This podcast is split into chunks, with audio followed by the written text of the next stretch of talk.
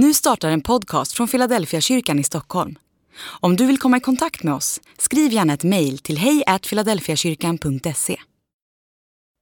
Dag 135 Offentlighetsprincipen Så älskade Gud världen att han gav den sin enda son för att de som tror på honom inte ska gå under utan ha evigt liv.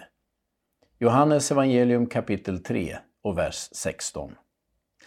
I Sverige har vi offentlighetsprincipen. I tryckfrihetsförordningens andra kapitel och den första paragrafen står det till främjande av ett fritt meningsutbyte och en allsidig upplysning ska varje svensk medborgare ha rätt att taga del av allmänna handlingar. Det betyder att alla medborgare ska ha tillgång till alla färdiga handlingar som har kommit in till eller skickats ut från en myndighet.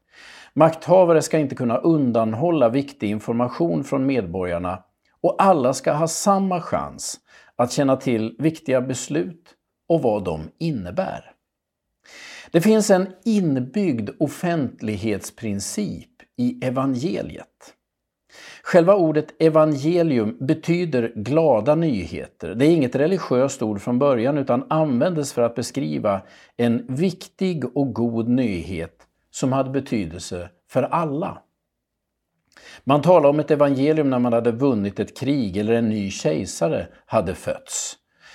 Den stora frågan var inte om folk ville veta. Nyheten var sådan till sin karaktär att den påverkade alla och därför ropades den ut offentligt. Man tror att det var Paulus som först började använda ordet evangelium för att beskriva den kristna tron, men ingen vet säkert. Det vi med all säkerhet vet är att de första kristna betraktade Jesu död och uppståndelse som en glad nyhet som berörde alla människor oavsett om de var intresserade eller inte.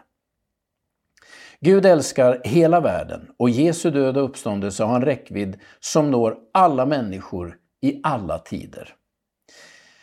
I Johannes 3.16, liksom i missionsbefallningen i Matteus 28, ger Jesus ett sorts evangeliskt offentlighetsdirektiv. Det innebär, det innebär inte bara, det är inte bara där det står, hela evangeliet andas offentlighet.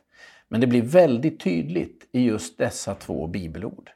Evangeliet är ett budskap till alla människor, överallt, i alla tider.